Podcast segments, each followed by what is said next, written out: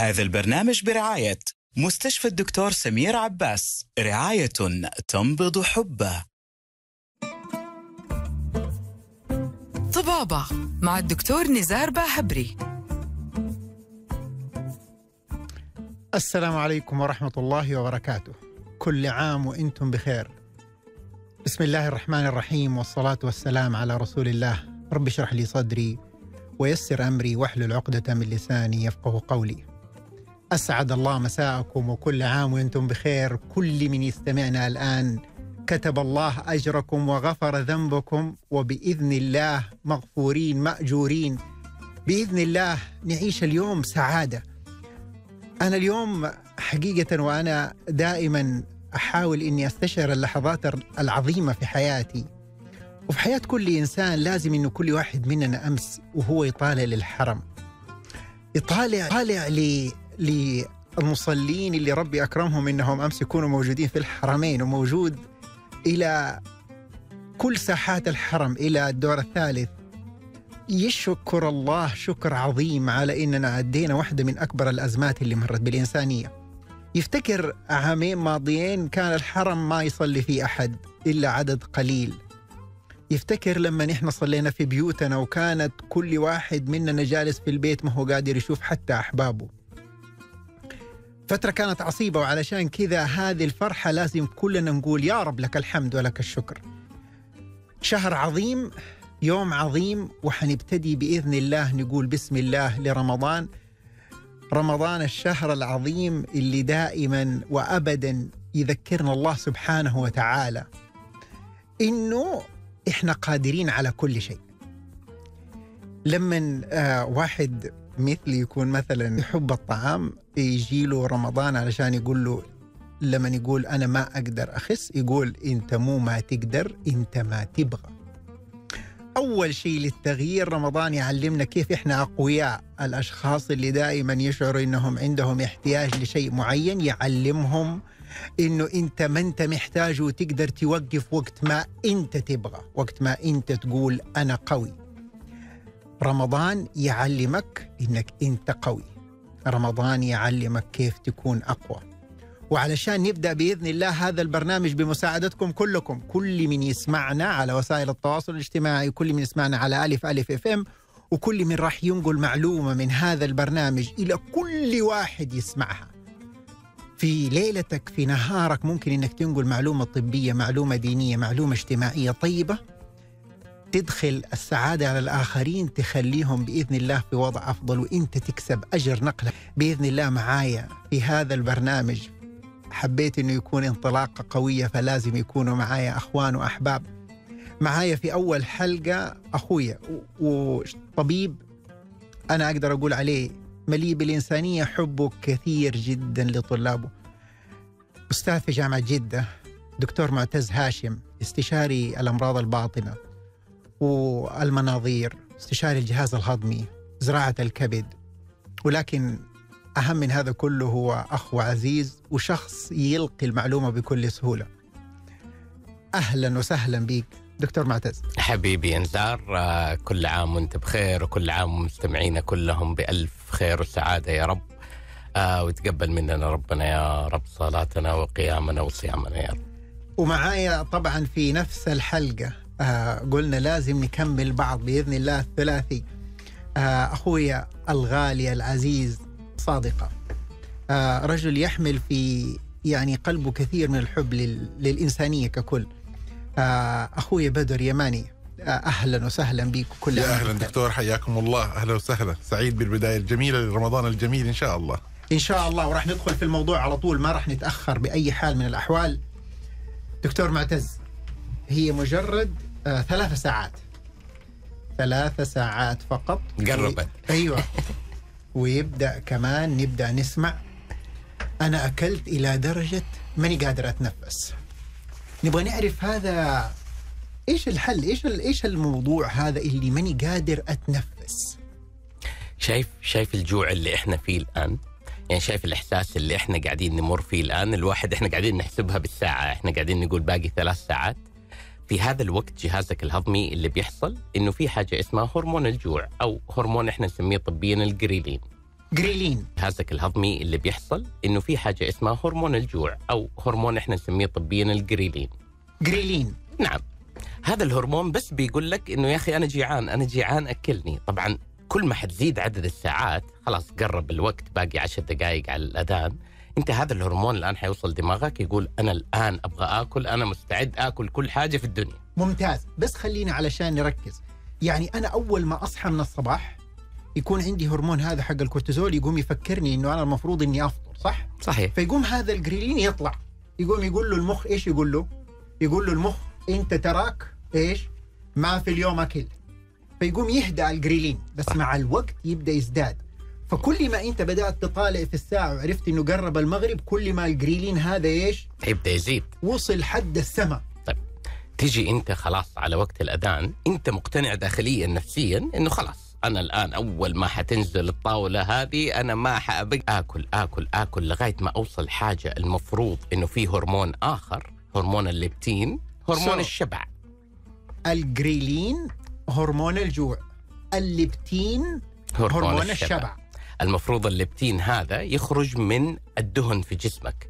ابدأ يقول خلاص أنا شبعت. الجريلين اللي طلع أول اللي طلعته المعدة لو هو اللي زاد أنت حتبدأ تاكل تاكل. الليبتين طلع المفروض الليبتين لما يطلع أنت توقف. المفروض الليبتين لما يطلع معناتك أنت شبعت خلاص. حلو. اللي يحصل إنه إحنا نتسرع. هذه العملية تاخذ لها وقت هذه العملية المفروض لها طريقة. عشان كذا في حاجة اسمها طريقة أكلك. عشان كذا لما نيجي ونقول يا أخي أنت كيف تاكل؟ أنت إيش تاكل؟ أنت نوع أكلك؟ أنت وقت أكلك؟ يؤثر تماما على جهازك الهضمي على أنت إيش حتحس بعدين. طيب بس علشان نشرح المعدة لك يؤثر تماما على جهازك الهضمي على أنت إيش حتحس بعدين؟ طيب بس علشان نشرح المعدة عبارة عن بالونة. دحين إذا هذا الجريلين كان عالي وأنا بدأت لقيت كل الخيرات قدامي والليبتين هذا يبغى له وقت.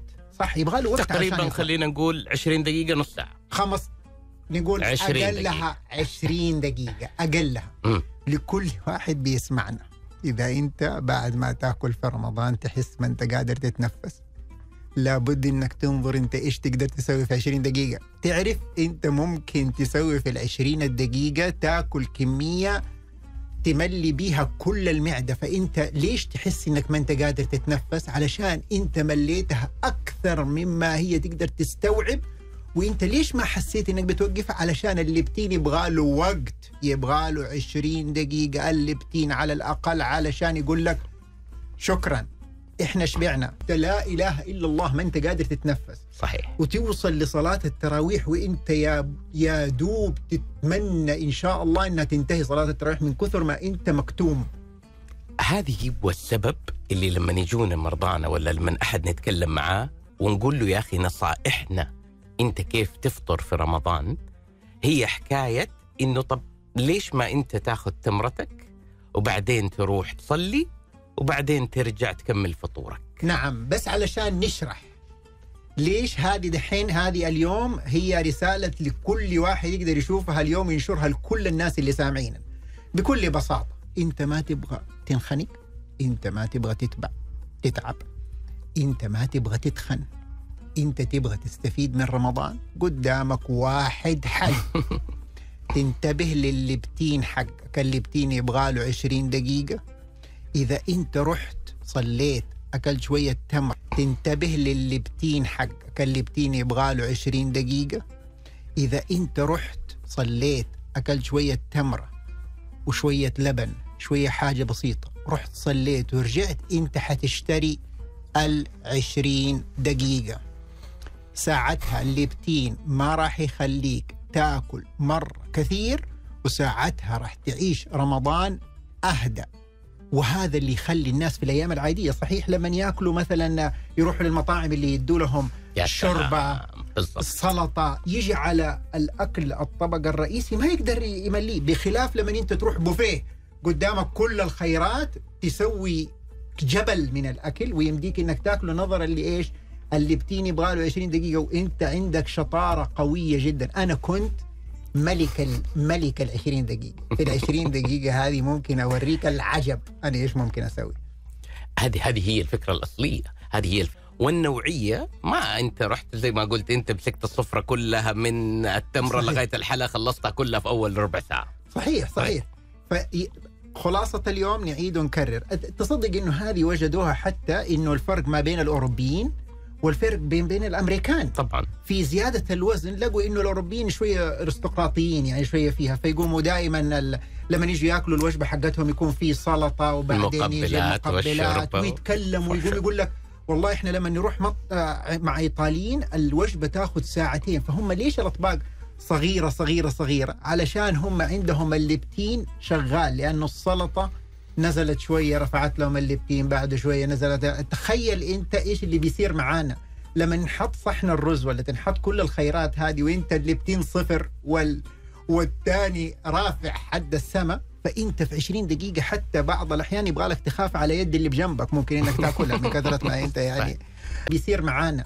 لما نحط صحن الرز ولا تنحط كل الخيرات هذه وانت الليبتين صفر وال والثاني رافع حد السماء فانت في 20 دقيقة حتى بعض الأحيان يبغى لك تخاف على يد اللي بجنبك ممكن إنك تأكلها من كثرة ما أنت يعني. من كثرة أنت تعبان. طبعاً. علشان كذا تجربتنا ببساطة قول بسم الله أدعي أفطر بحبات التمر خذ اللبن روح صلي. صلي ال... صلي إن شاء الله ركعتين كمان بعد الصلاة المكتوبة.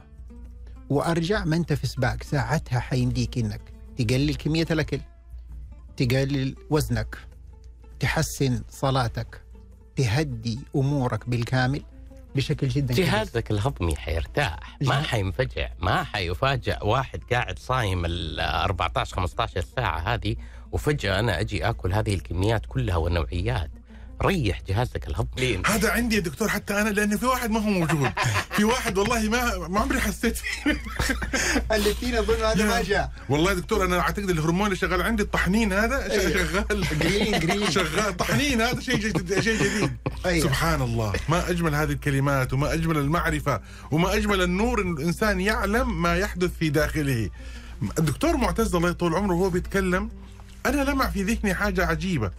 كلمة النبي صلى الله عليه وسلم لما تكلم عن الإفطار قال إشارة مرة غريبة يعني سبحان الله كأني أول مرة أسمع الحديث هذا لما سمعت كلام الدكتور.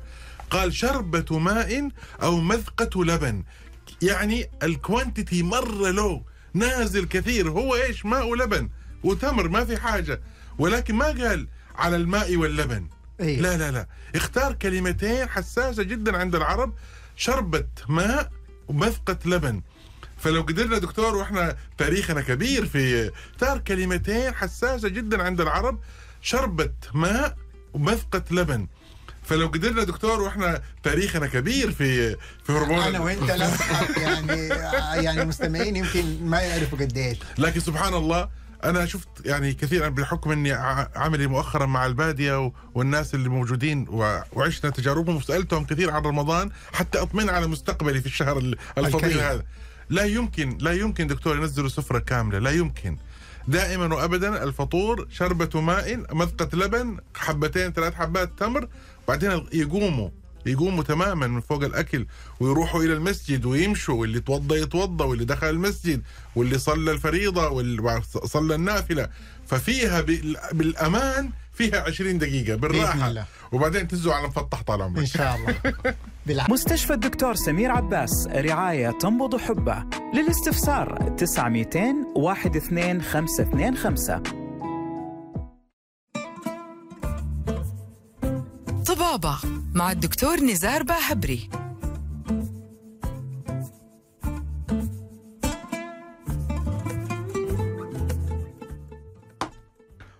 ورجعنا لكم بإذن الله. الآن زي ما إحنا ابتدينا كيف نقدر نتعامل مع أكلنا وشربنا. نبغى نعرف من بدر كيف نقدر نتعامل مع رمضان؟ كيف نكون جاهزين؟ يا سلام. النبي صلى الله عليه وسلم يقول من صام رمضان ايمانا واحتسابا. من قام رمضان ايمانا واحتسابا. من قام ليلة القدر ايمانا واحتسابا. كلمة السر في إيمانا واحتسابا هذه. إنه أنا عايش رمضان ساعاته ودقائق وثوانيه لحظاته. مراقب لله سبحانه وتعالى. دكتور أكثر ما يجينا شكاوى بعض الأحيان من الشباب مراقب لله سبحانه وتعالى. دكتور أكثر ما يجينا شكاوى بعض الأحيان من الشباب مجتمعين لما نلا- نلاقيهم أبو نور عصبية أبو نور ثورة عالية للشهوة أبو نور جوع شديد. ليه دكتور؟ عشان ما عشنا ما عشنا إيمانا واحتسابا. ما في لقطة الاحتساب على الله. يعني أنا مثلا لما أكون صاحي من الصباح الساعة عشرة إذا ما أكلت تصير أزمة مرة كبيرة. لكن في الصيام إلى الساعة ستة والساعة سبعة وإحنا قاعدين بدون صحيح. أكل ونفسياتنا الحمد لله في أحسن أحوالها. فتحتاج إرادتك. لابد. لابد من استشعار دكتور إنه أنا مو ممتنع عن الصيام. أنا أتعبد الله. أنا ماني محروم. من لم يدع قول الزور والعمل به فليس لله حاجة فإن يدع طعامه وشرابه. ربنا صدق. بيقول هي القصة ما هي قصة أنه أحرم نفسك. لا لا هذب نفسك هدي نفسك روق نفسك. اكسب عادات جديدة في هذا الموسم تعيش معك بعد رمضان. يعني بكل بساطة إحنا بنأكد على إنه روحيا هو كأنه معسكر كامل يوريك قديش أنت قوي. يا سلام. يوريك قديش أنت ينعكس عليك. فنركز على كلمة نعم. إيمانا واحتسابا. واحتسابا. روحا وعقلا وجسدا دكتور. أيوة. الثلاث القطع هذه كلها لو اشتغلت في رمضان مع بعض الروحانية في أعلى درجاتها وفي أحلى درجاتها العقل واعي لما يحدث. اليوم الدكتور معتز ادانا حاجة. أنا اليوم على الفطور ما يشبه أي يوم ثاني في حياتي اللي راحت كلها بإذن اليوم الله. حعيش مع هرمونين وأحاول اصلح بينهم. بإذن الله. ثم بعد ذلك جسدا اللي هي قضيتنا اللي إحنا نتكلم فيها اليوم. الجسد محتاج ياكل. نبغى حلاوة ونبغى شيء جميل ونبغى السمبوسه مستنينها ونبغى. ولكن واقيموا الوزن بالقسط ولا تخسروا الميزان. صدقت يصير ب- بكل بساطة. جزء من حياتنا ورمضان وتأثيره على جسدنا هو جزء من التزامنا بهذا الرمضان بإيمانا وإحنا. ورمضان وتأثيره على جسدنا هو جزء من التزامنا بهذا الرمضان بإيمانا سلام بإننا لما نقوم الصباح وإحنا عارفين إنه عندنا هرمونات متغيرة نعم. وعارفين إنه الجوع ممكن يخلينا عصبيين هو اللي ينعكس على مخنا إنه يقول لا أنا حستخدم هذا المعسكر الرباني اللي يخلينا بكل بساطة قادرين على إننا نتحمل الغضب. يا سلام. ونتحمل هذا احتسابا لله سبحانه وتعالى ثم ينعكس على شخصيتنا. لا شك. إننا نعرف إنه أنا مو لازم اصير عصبي وأنا جيعان. أنا مو لازم أصير تعبان وأنا جيعان. الصورة النمطية دكتور ها؟ نعم. إحنا عائلة عصبيين. نعم. أنتم ما تعرفونا كيف إحنا لما نعصب. وكأنه بيجيب لنا تصريح بأنه هو حيعصب علينا وإحنا لازم نتحمل. والله أبوي أنا كان يكسر الدنيا. طب وأنا مالي؟ أبوك كسر الدنيا بتحملني ليه كمان؟ أيوه كل اللي يشتغلوا مع ناس تعرف إنه في ناس آه، يعني يمكن من يسمعونا هون يأثر عليهم إلى إنهم يشعروا بالزعل والاكتئاب إلى درجة إنهم البكاء البكاء زي ما. في بعض الناس يغضبوا مم. يأثر على بعض الأشخاص إنه يحسسهم بالحزن. يبكوا. يا الله. يبكوا يبكوا. كذا الدموع مجرد إنك تأكله يرجع شخص مبتسم. سبحان الله. يا سبحان الله.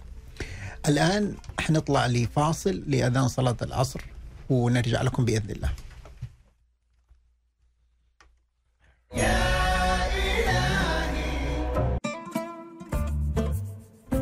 طبابة مع الدكتور نزار باهبري.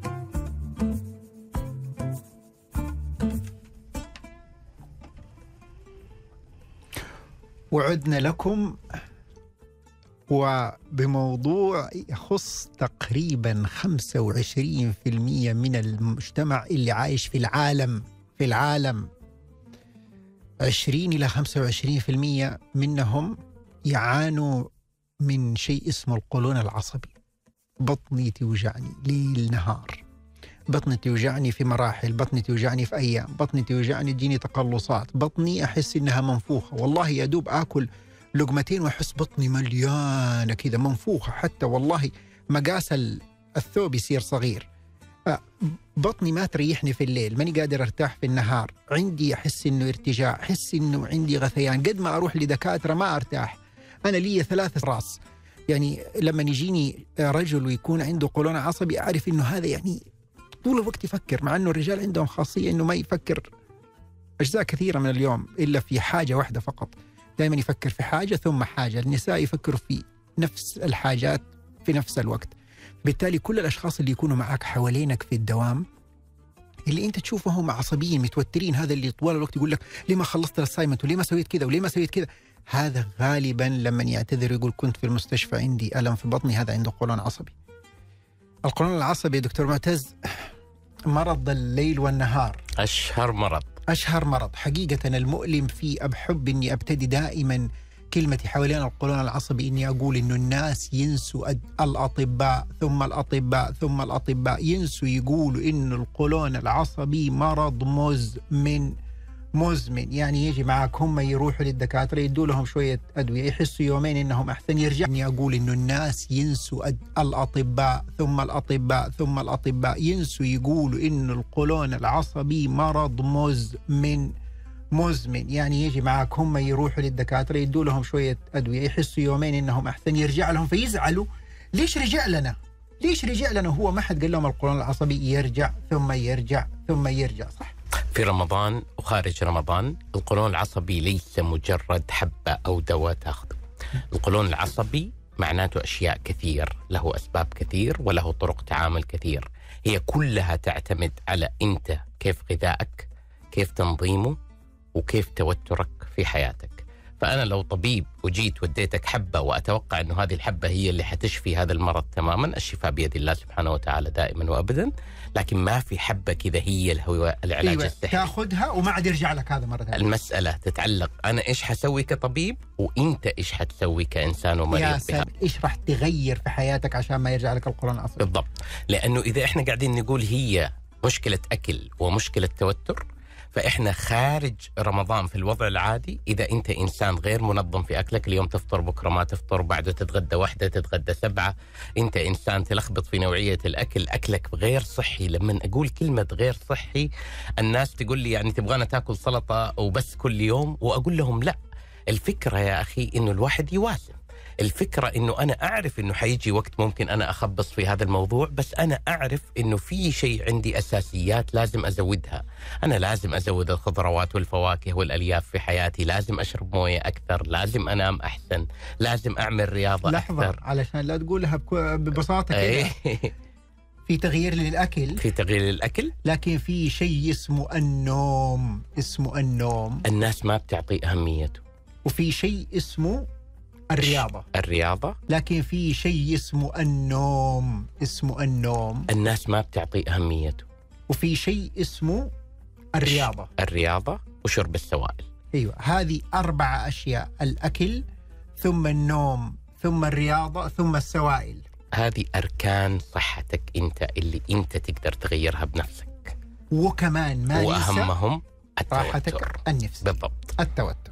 اسمه قولون عصبي نظرا لأنه متعلق بعصبيتك. بشكل كبير جدا. ويمكن مو بس كلمة عصبية أكثر من إنها زي ما قلتها دوبك التوتر التفكير.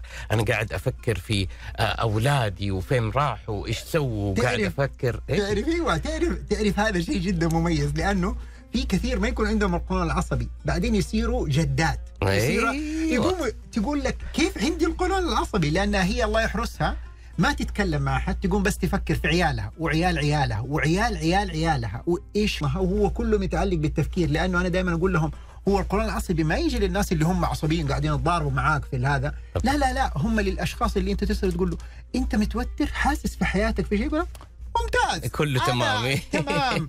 هذا اللي ما يتكلم اللي يكتم في نفسه هو أكثر شخص صحيح. معرض للقولون العصبي نظرا لأنه كل الضغوط حاططها في نفسه. صحيح. طيب. فيصير قل لي إيش هي الأشياء الأطعمة؟ أنا بيأشر لي عبد العزيز معليش عشان أول يوم. إحنا لازم حنطلع للأخبار ونرجع نقول لكم إيش راح نسوي علشان نهزم القولون العصبي.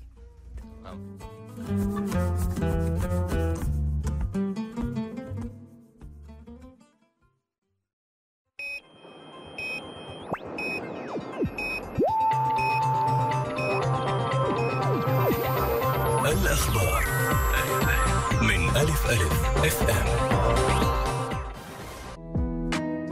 مستشفى الدكتور سمير عباس رعاية تنبض حبه. للاستفسار 900 12525 طبابة مع الدكتور نزار باهبري. ورجعنا لكم لكيف نقدر بإذن الله نتعلم من رمضان.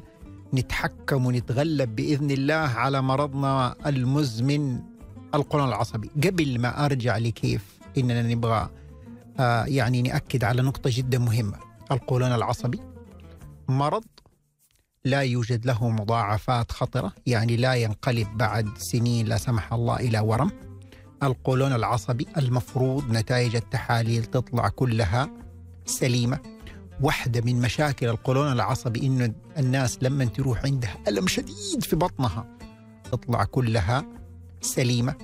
واحدة من مشاكل القولون العصبي إنه الناس لما تروح عندها ألم شديد في بطنها طوارئ. وبعدين تروح للدكتور ويقوموا من الأشياء اللي تزعلهم جدا يقولوا لهم تحاليلكم كلها طيبة كله طبيعي. فيقوموا يزعلوا الناس. فإذا زعلت إنه قالوا لك إنه كل شيء طبيعي بالتالي يصير عندك زيادة هجمة للقولون العصبي نظرا لأنك زعلان. ليش بيقولوا لك إنه كل شيء سليم؟ فالقولون العصبي جزء منه إنك تقول الحمد لله. إنه جاني هذا القولون العصبي بس هو ناتج من شيء غير خطر بإذن الله. أول نقطة أقولها للمرضايا لما نبغى نوصل للعلاج إن شاء الله أن يقتنع المريض بالتشخيص. نعم. أول نقطة إنك أنت تكون كمريض مقتنع بطبيبك ومقتنع بهذا التشخيص.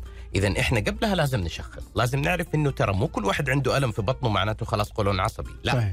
أنت تروح لطبيب الجهاز الهضمي يتأكد أنه لا ما قلت أنت الأشعاعات يشوف إذا هي فعلا كلها طبيعية هنا حنيجي نقول إيش يعني قولون عصبي؟ وظيفة هذا القولون تقلصاته ما هي منتظمة. هي ما هي ما, ما هي قراح، هي ما هي ضيق، ما هي التهاب، ما هي اورام، صحيح. هو هذا القولون مو قادر يسوي شغلته اللي هي امتصاص المويه والاملاح وانه البراز الله يعزك يمشي فيه ويخرج. فتحصل هذه التقلصات والنفخات والغازات والامساك والاسهال واحيانا يقول لك عندي امساك وإسهال في نفس اليوم. صحيح. واحيانا يقول لك أنا حاسة بطني منفوخة كأنها حامل. ويجيك بكل اذا نعم حنمشي في خطة العلاج؟ نعم هذا آه، ليس له مضاعفات ولله الحمد. لا يتحول لأورام كما تفضلت. لكنه حنرجع للأشياء اللي قلناها. حنمسك الغذاء يلا حنمسك خلينا النوم. نمسك الغذاء. نمسك الأكل أول حاجة خارج رمضان وداخل رمضان. نعم. الأكل يختلف من شخص إلى آخر. اللي يتعبك أنت يا نزار ما يتعبني أنا. لكن في أشياء عامة. في أشياء أغلب الناس ممكن تتعبها أغلب الناس البقوليات زي الفول وجاك رمضان دحين. زي الحمص زي الأشياء اللي فيها عدس أغلب الناس منتجات الحليب الأجبان الحليب اللبن ممكن تعمل لها نفخات وغازات الغازيات البيبسي السفن إلى آخره آه، التدخين الأشياء هذه أغلب اللبان. الناس اللبان, اللبان. لما ابلع أبلع أبلع أبلع هي. لبان أنا حنتج هواء وغازات أكثر ممكن تنفخ بطني. أغلب الناس هذه الأشياء ممكن تتعبها وأغلب الناس في أشياء ممكن تريحها. الأشياء زي البابونج زي الكمون ما أعممها على كل مرضايا لكني أقول ترى أسمع أنت حتشوف إيش يناسبك وإيش ما يناسبك. بس دقيقة حاضر. يعني أنا دحين مثلا وأنا في رمضان أقدر يا أخي بعد صلاة التراويح أو شيء بقول للناس إذا أنت عندك قولون عصبي يمكن يبغى لك إذا استحليت شيء منها ينسون بابونج يمديك إنك أنت تشربها حارة باردة اللي أنت يعجبك وتريح بطنك. فكرة زمان إنه ترى خذ الورقة دي وكل شيء ممنوع تماما هذه يجب ألا تنطبق الآن. حنحرقها. أيوه. فكرة إنه أنت أمنع الأكل تماما هذا من حياتك هذه فكرة غير صحيحة. والله وهذا من. أكثر الأشياء المؤلم اللي طبعا لأنه حيتعب. حيتعب. يقوموا يقولوا لهم الدكاترة أحيانا بعضهم يقولوا لا تأكل لا تأكل لا تأكل لا, لا تأكل تأكل. فيصير. يقول لك أنا ما حسيت تأكل ولا شيء فمن كثرة ما بي... ما بيأكل ولا شيء يتوتر زيادة ويزيد عليه القولون. العصبي إذا أنت فاهم نفسك وجسدك ومرضك صح وفاهم أكلك وأنت عارف إيش اللي من جد بيتعبك وإيش اللي ما بيتعب أنا عارف إنه أنا لقمة آه، الفول الوحدة ما فيها شيء غير لما أخلص صحنين هذا حيبدأ الواحد صح. يعرف إيش الكمية اللي حياخذها صحيح معليش أنا أبغى أركز على هذه النقطة رجاء علشانها مهمة جدا اللي يعانوا من الفول ولا يقولوا لهم الفول والبقوليات ترى لقمتين أحيانا ما تاثر إذا كانت مشتهي يا الكمية. تفرق. الكمية تفرق طبعاً. ثم الكمية تفرق ثم الكمية تفرق. إذا كنت مشتهي كل يا أخي لقمتين ثلاثة ما ي... ما هو هذا اللي راح يخلي القولون العصبي ينبض؟ وهذا اللي حيرجعنا اللي كنا بنقوله أول. أفطر خذ تمرتك روح صلي أرجع. أفطر فطور إحنا نقول دحين عشان قولون عصبي خلي فطورك شوية خفيف يعني لا تدعس كل شيء لا تخلص الصفرة. بعدين خذ راحة بعد التراويح حاول تاخذ وجبة بالله يا بدر إيش رأيك؟ بالله أنا ما أعيش حاجة جديدة، بالله لما انت تلاقيني في برنامج نعم. أنا قاعد أقول كل خفيف في رمضان، بالله هذا بعد خمسين سنة بدأت أقول هذا الشيء، كأني دوب استرجعت الطب يعني. والله دكتور دكتور حاول تاخذ وجبة بالله يا بدر إيش رأيك؟ بالله أنا ما أعيش حاجة جديدة، بالله لما تلاقيني في برنامج نعم. أنا قاعد أقول كل خفيف في رمضان، بالله هذا بعد خمسين سنة بدأت أقول هذا الشيء، كاني دوب استرجعت الطب يعني. والله دكتور دكتور نزار دكتور معتز أنا مرة سعيد إني قاعد أسمع منكم هذا الكلام لأني كنت خايف إنكم إيش حتسووا لنا تمنعونا وتحرجوا علينا وت... إيه. وسبحان الله دكتور معتز مرة أخرى أتذكر الله سبحانه وتعالى لما في في القرآن الكريم يقول ل- لبني إسرائيل لما نهاهم عن الشرب من من النهر إلا من اقترف غرفة بيده. لأنه المنع والنهي النفس البشرية ترفض وتقاوم الله سبحانه وتعالى لما منع منع عليهم شربهم من النهر هذا لكن سمح لهم بإيش؟ إلا من اغترف يعني ذوقوا ما في مانع الأزمة أزمة quality ولا quantity زي ما يقول صحيح. لكن وانت دكتور إذا رزار يعني أنا أيوه. ما حتكلم على الفطور الفطور بيصير فيه خطايا سبعة بالنسبة لي. أيوه. لكن السحكة. كيف ممكن أسوي حاجات على السحور تساعدني إني أخلي فعلا ثاني يوم مبارك بالغداء المبارك؟ لأن السحور سماه النبي صلى الله عليه وسلم الغداء المبارك. وقال تسحروا فإن في السحور بركة. يعني أنا مثلا من, النا- من الناس اللي كنت أقول للدكتور تحت الهواء اللبن. اللبن هذا أعزه جدا في الليل وفجأة أصير إنسان إيجابي وأشرب لبن وسبعة تمرات في الليل ما أن شغل إيش حصل قبل كده دائما أسألك سؤال واحد. سم. هل يتعبك اللبن بعد ما تشرب أبدا راحة كبيرة. هذا جوابك. أنا بالنسبة لي أنا دائما أقول لهم أنت من تحدد حسب جسدك في الأول لأن ما يتعبك أنت أستاذنا غير ما يتعبني. نعم.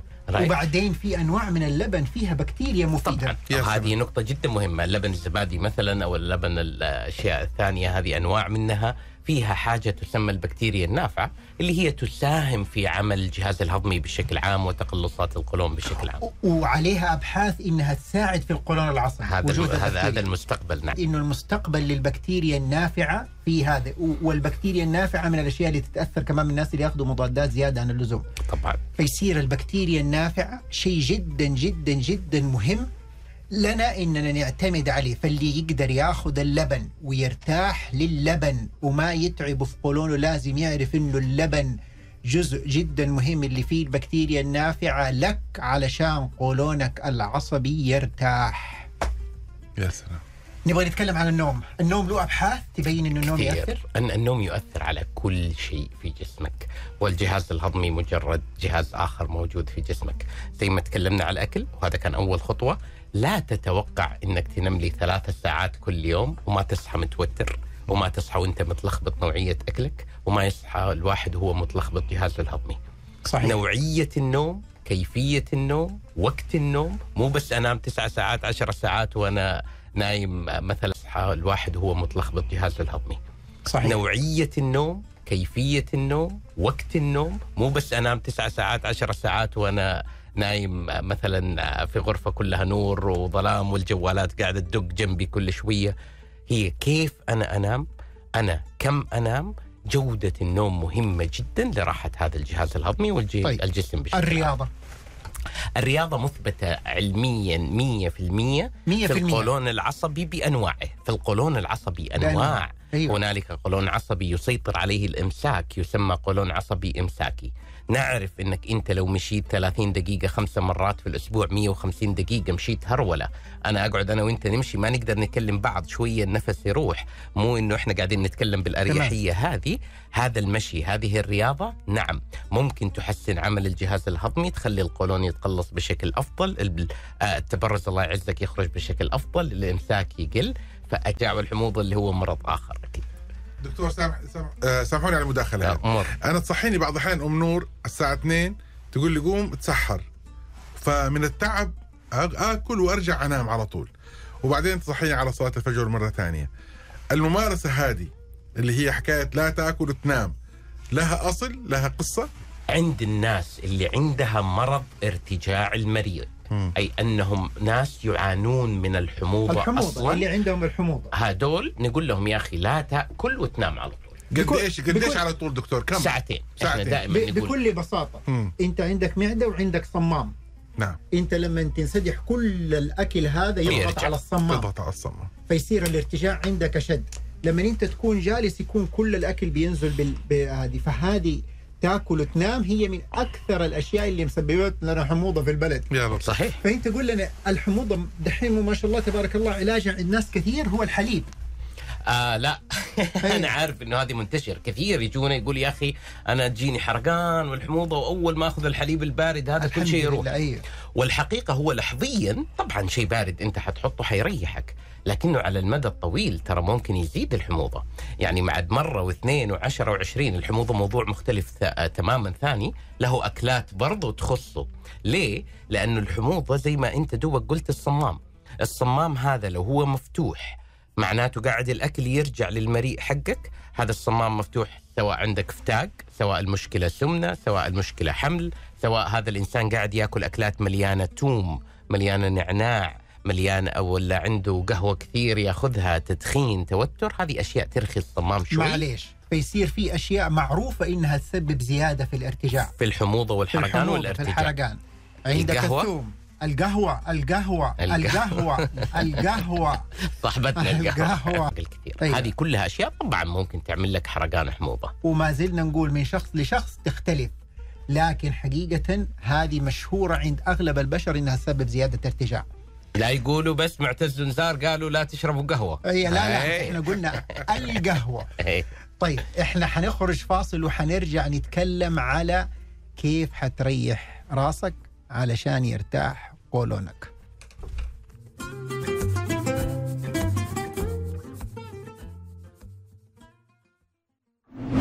مبارك عليكم الشهر.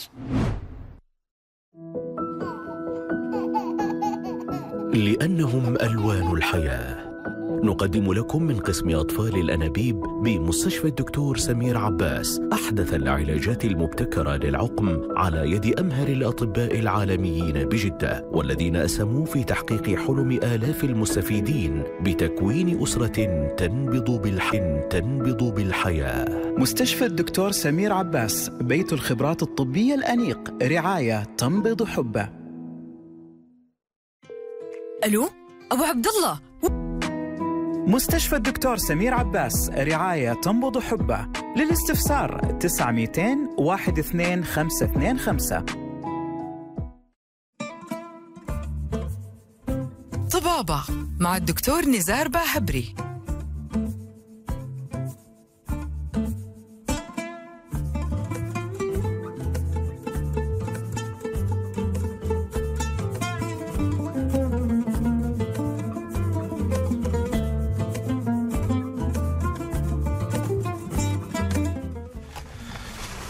لكم تحت الهواء كان في فاصل مهم جدا جدا جدا. تحدي القهوة. قال يا معتز هي يعني بس نحن نبغى نعرف هو أي قهوة الأمريكي ولا العربي حقتنا ولا هذا. فحين حنعرف مقارنة ما بين الأمريكي والقهوة العربي. روح. طيب هو صحيح إنه ما في دراسات كثيرة ولكن اللي إحنا نعرفه إن القهوة الأمريكي تجيب حتى زيادة في أعراض القولون العصبي اللي تكلمنا عليه عند البعض أول. لكنها في دراسات إنها ممكن تفيد في دهون الكبد. في دراسات إنها ممكن تنزل الكوليسترول قليلا.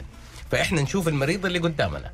إذا أنت إنسان ما عندك حموضة ما عندك قولون وعندك دهون كبد أنا حقول لك خذ قهوة, قهوة. أمريكية سوداء. القهوة العربية يمكن ما فيها دراسات كثير لكن فيها هيل فيها زيادة. فهو الاثنين يزودوا حموضة أكيد. حتى القهوة العربية ممكن تزود الحموضة حتى أكثر. أكثر صحيح. ما عندي شيء يقول انه القهوة العربية ستفيدني في دهون الكبد. فأنا دائما أقول لهم أنا أشوف حالتك أنت إيش هي؟ إذا أنت إنسان عندك دهون حقول لك قهوة أمريكية سوداء. إذا أنت عاشق ومحب للقهوة العربية أنا ما حمنعك بس لازم تعرف هي بتزود لك حموضتك وقولونك ولا لا. والهيل كمان يأثر. هو لوحده أصلا ممكن يزود. الهيل لحاله ممكن إنه يزود يزود, الحموضة. أكيد. صحيح. يا أبو نور نعم بدر نعم دكتور نبغى نبغى الآن قلنا إحنا شيء جدا مهم لنا نعم نقول له يا أخوان القولون العصبي متأثر بعصبيتك، القولون العصبي متأثر بحالتك النفسية. صحيح نبغى نعرف هذا رمضان كيف يساعدنا إننا نكون نقدر نتحكم في إننا نجعل رمضان أفضل؟ يا سلام كيف نقدر نقلل التوتر في حياتنا من الاستفادة برمضان؟ يا سلام. لأنه هذا معناه طب. الطب معناه كل شيء متداخل فيه. روحك ودينك ورياضتك نعم. وأدويتك وأكلك وشربك. كل هذا يجعل منك طبيب جيد ثم يجعل منك مريض جيد إنسان أفضل. يا سلام. طول العام 365 يوم وربع في عندنا صلاة في عندنا صيام في عندنا دعاء في عندنا عبادة قراءة قرآن موجودة طوال العام. ولكن من وحي الجلسة حقتنا هذه اليوم ال dose نستخدم مصطلح ال dose. يزداد ال do... جرعة العبادات في رمضان تزداد. جرعة الدعاء جرعة قراءة حقتنا هذه اليوم ال dose نستخدم مصطلح ال dose. يزداد ال do... جرعة العبادات في رمضان تزداد. جرعة الدعاء جرعة قراءة القرآن جرعة التأمل جرعة ال- ال- السكينة والطمأنينة الواجب توفرها في هذه الأيام وفي هذه الليالي المباركة. لاحظ دكتور طال عمرك إحنا عندنا في رمضان عندنا اعتكاف. صحيح. عندنا في ال- ال- الجلوس في المسجد بين ال- العصر والمغرب. الجلوس في المسجد بين المغرب والعشاء. ال- في أوقات وكأنه المطلوب منا في رياح التغيير القوية اللي جاية اللي هو شهر رمضان اللي بيغير كثير من حيواتنا كأنه بيقول نحتاج حتى نغير تغيير محبب إلى النفس أن يكون هناك روحانية عالية إيمانيات مرتفعة قراءة القرآن الدعاء التأمل. الجلسات اللي بعض الأحيان كده البعض قد يعني ما تعجبه الكلمة ولا المصطلح جلسات اليوغا. صحيح. الموجين لل... النبي صلى الله عليه وسلم كان في الصلاة يرى أشياء يخرج من عالم إلى عالم الصحابة كذلك. كان واحد منهم يقف بأوقات طويلة جدا. لو كان عايش بالجسد فقط لما استطاع أن يقف هذه الوقفات الطويلة. ولكن نقول غذاء الروح تجهيز الروح الإيمانيات الاعتقاد بأنك الآن متلبس في حالة عبادة وكأنك واقف بتصلي. الآن السيارات قدامي ماشية في الشارع. يعني كل لهف و و وألم على السائق اللي متعصب مشدود متوتر. لا تخرج يا أخي في العصر. لا تخرج في العصر. اهدى خليك في ال- صحيح. عارف, عارف أوقات أوقات شدك أوقات عصبيه أنت دحين متعرفت على الهرمون حق الجوع. إي لازم والله. تعرف إنه هذا الهرمون مم. طيب يؤدي إلى العصبية. يا سلام. طيب أنت تعرف هذه قد إيش بتصير حوادث قبل صلاة المغرب؟ نعم. طيب أخرج يا أخي روح مشوارك. روح زيارتك قبلها بنص ساعة أوصل بسلام علشان لا يكون الكل متوتر. لازم نبغى روح زيارتك قبلها بنص ساعة أوصل بسلام علشان لا يكون الكل متوتر. لازم نبغى الكل يعلم إنه هذا الهرمون يجعلك متوتر. زي ما تعرف في هرمون اسمه هذا الأكسيتوسين تعرف اللي أنت دوبك قاعد تقول السجدة؟ الاعتكاف وجدوا إنه هذا الهرمون يكون عالي جدا جدا جدا. الله. وقت ما إحنا نكون في سجدتك تعرف لما أنت تسجد السجدة اللي أنت تشعر بها قد إيش؟ بقربك من الله سبحانه وتعالى. نعم. لما تشتكي همك إلى الله سبحانه وتعالى. هذا يأثر بشكل جدا كبير على الهرمونات حقتك يأثر على القولون حقك يأثر على شيء كثير. مم. لدرجة إنه بعض الناس اللي يجوني في العيادة أقول لهم يا أخي أكثر من السجود. أكثر من التسبيح. صح إحنا دحين نبغى نكون في رمضان اللي يكون مشغول آه يا نعم. أبو نور. صحيح. برضو لازم يكون عنده عبادات يقدر يسويها بشكل سريع لكنها لها يا أجر. عظيم. وجرعته دكتور ال- الاحتياج. يعني أنا ممكن الآن أصلي عشر ركعات ولا أصلي ركعتين. احتياجي اللي يغطيه قد إيش؟ أنا ممكن البعض يقول والله أنا جدولي مليء جدا أنا ما عندي مساحة أختم القرآن أنا ما عندي مساحة. ومين قال إنه العملية عملية كميات؟ ابدا ما هي كميات. إحنا ممكن آية الواحد يحيا بها رمضان كله بالكامل. حديث من أحاديث النبي صلى الله عليه وسلم يكون قصتي في هذا العام. إحنا في عالم إدارة المشاريع نقول لما يجينا رمضان كل سنة معناته في تكرار. والتكرار لا يعني إنه الرتابة نفس المج... لاحظوا الحج مثلا نحج مرة واحدة لكن رمضان كل سنة. ليه؟ عشان يكون مشاريعي. عندي في كل رمضان مشروع. اليوم واحد رمضان. يوم 30 رمضان إن شاء الله. إيش الدليفري؟ إيش حتستلم؟ إيش إيش حتأخذ؟ إيش متوقع في يوم 30 رمضان تستلم؟ عشان تحتفل بيه واحد شوال. اللي هو يوم العيد بإذن الله سبحانه وتعالى. طيب أبو نور. ادينا مشروعك. يا سلام. واحد رمضان. اديني إيش إيش نست... أنا فيه حاشتغل برادة. أبرد على الناس. والله يا دكتور وإحنا ماشيين في الشارع في العمل في البيت في كل مكان في بعض الناس دخلت الأمور معاهم في سخونية عالية. يا بخت اللي يكون ماشي بين الناس بالطبطبة بالهدوء بالسكينة كلمة إيجابية. دكتور إحنا نعرف في رمضان تزداد الخلافات الأسرية. أنا آسف والله هذه ما هي من شريعة المصطفى صلى الله عليه وسلم. لأنه الطلبات حقت البيت والمقاضي والمصاريف هذه ما هي من من متطلبات رمضان. يعني ما في من أركان رمضان. والله لازم يكون في مقاضي. حتى كنت في لقاء أتكلم فيه مع بعض السيدات والأبناء. أقول لهم تعرفوا شو قهر الرجال؟ قالوا لا. قلت قهر الرجال في رمضان إني أحمل أبوي فوق طاقته. وإني أطلب منه حاجات ما يقدر يجيبها. فالرجل بدل ما يكون في رمضان بين قرآن وروحانية ودعاء يكون في ألم ومعاناة. إيش قدر يوفر وإيش مو قادر يوفر وفين يعتذر يجيبها فالرجل بدل ما يكون في رمضان بين قرآن وروحانية ودعاء يكون في ألم ومعاناة. إيش قدر يوفر وإيش مو قادر يوفر وفين يعتذر وفين مو قادر يعتذر. لدرجة إنه بعض الرجال دكتور اللي يعني ما أعتقد إنهم بعيدين عن مرضى القولون العصبي إنه يتفادى يروح البيت عشان لا يسمع الطلبات. فبيضطر يكون موجود في مكان آخر لحد ما يناموا.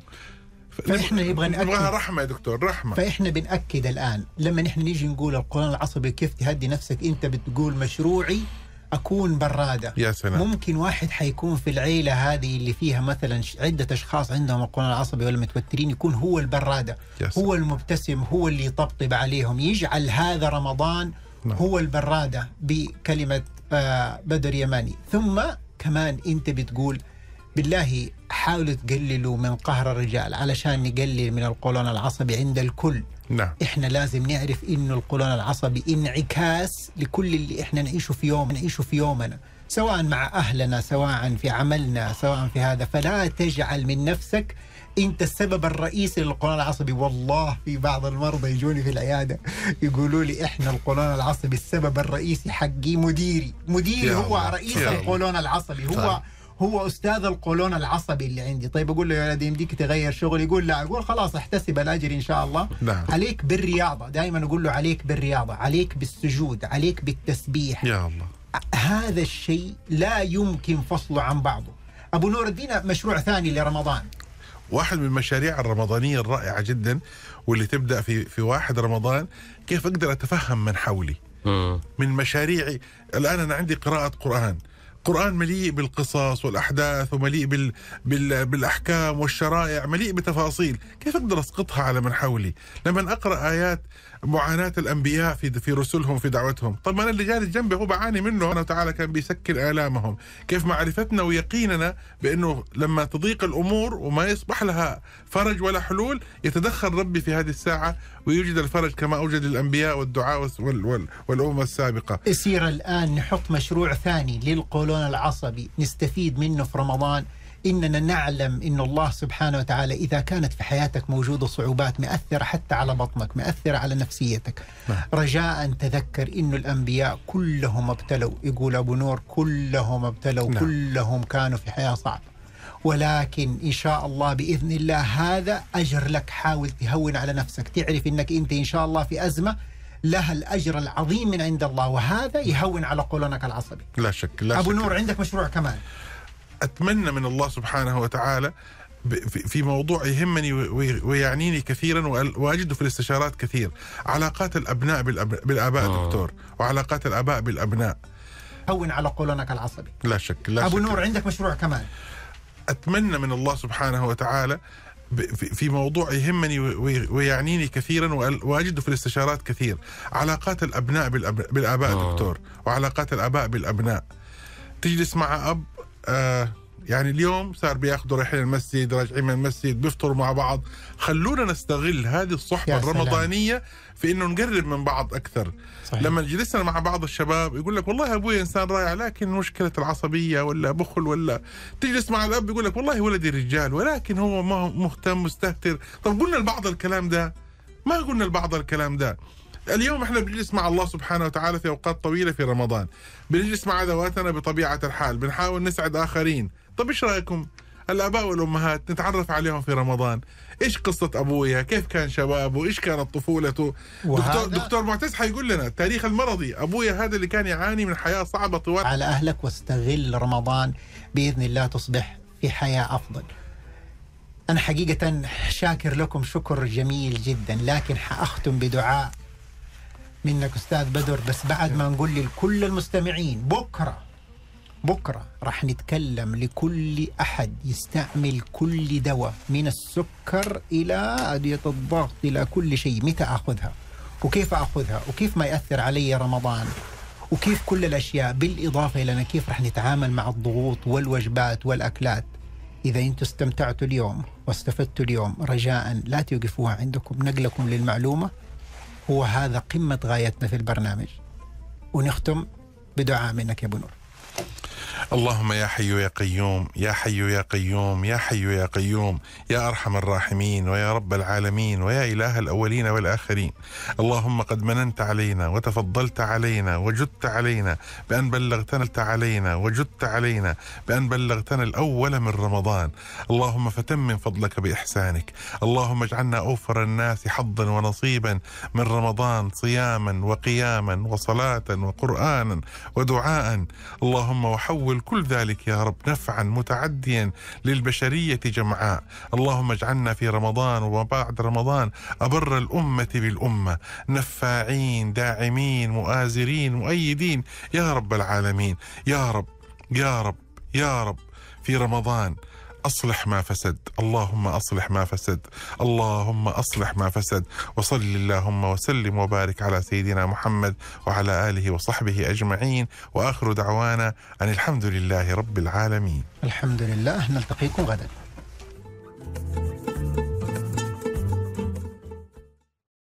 هذا البرنامج برعاية مستشفى الدكتور سمير عباس. رعاية